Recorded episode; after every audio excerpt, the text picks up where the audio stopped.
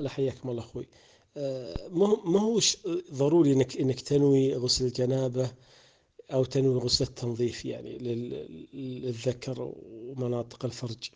كل هذا هو نية واحدة غسل رفع الجنابة سواء غسلته بالصابون أو بالماء أو تركته في آخر شيء. كل هذا يعني غسل واحد يعني.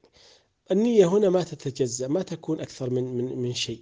يعني تصير لك نية تنظيف للذكر ثم بعدين نية غسل رفع الجنابة هي نية واحدة يعني. حتى ولو ضغط عليك الوسواس أن النية تغيرت أن أن فيه نيتين الصحيح أنها نية واحدة.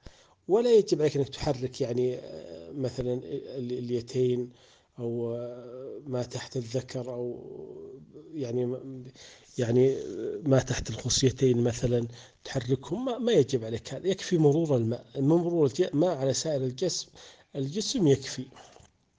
يكفي فترتفع بذلك يرتفع بذلك الحدث الأكبر.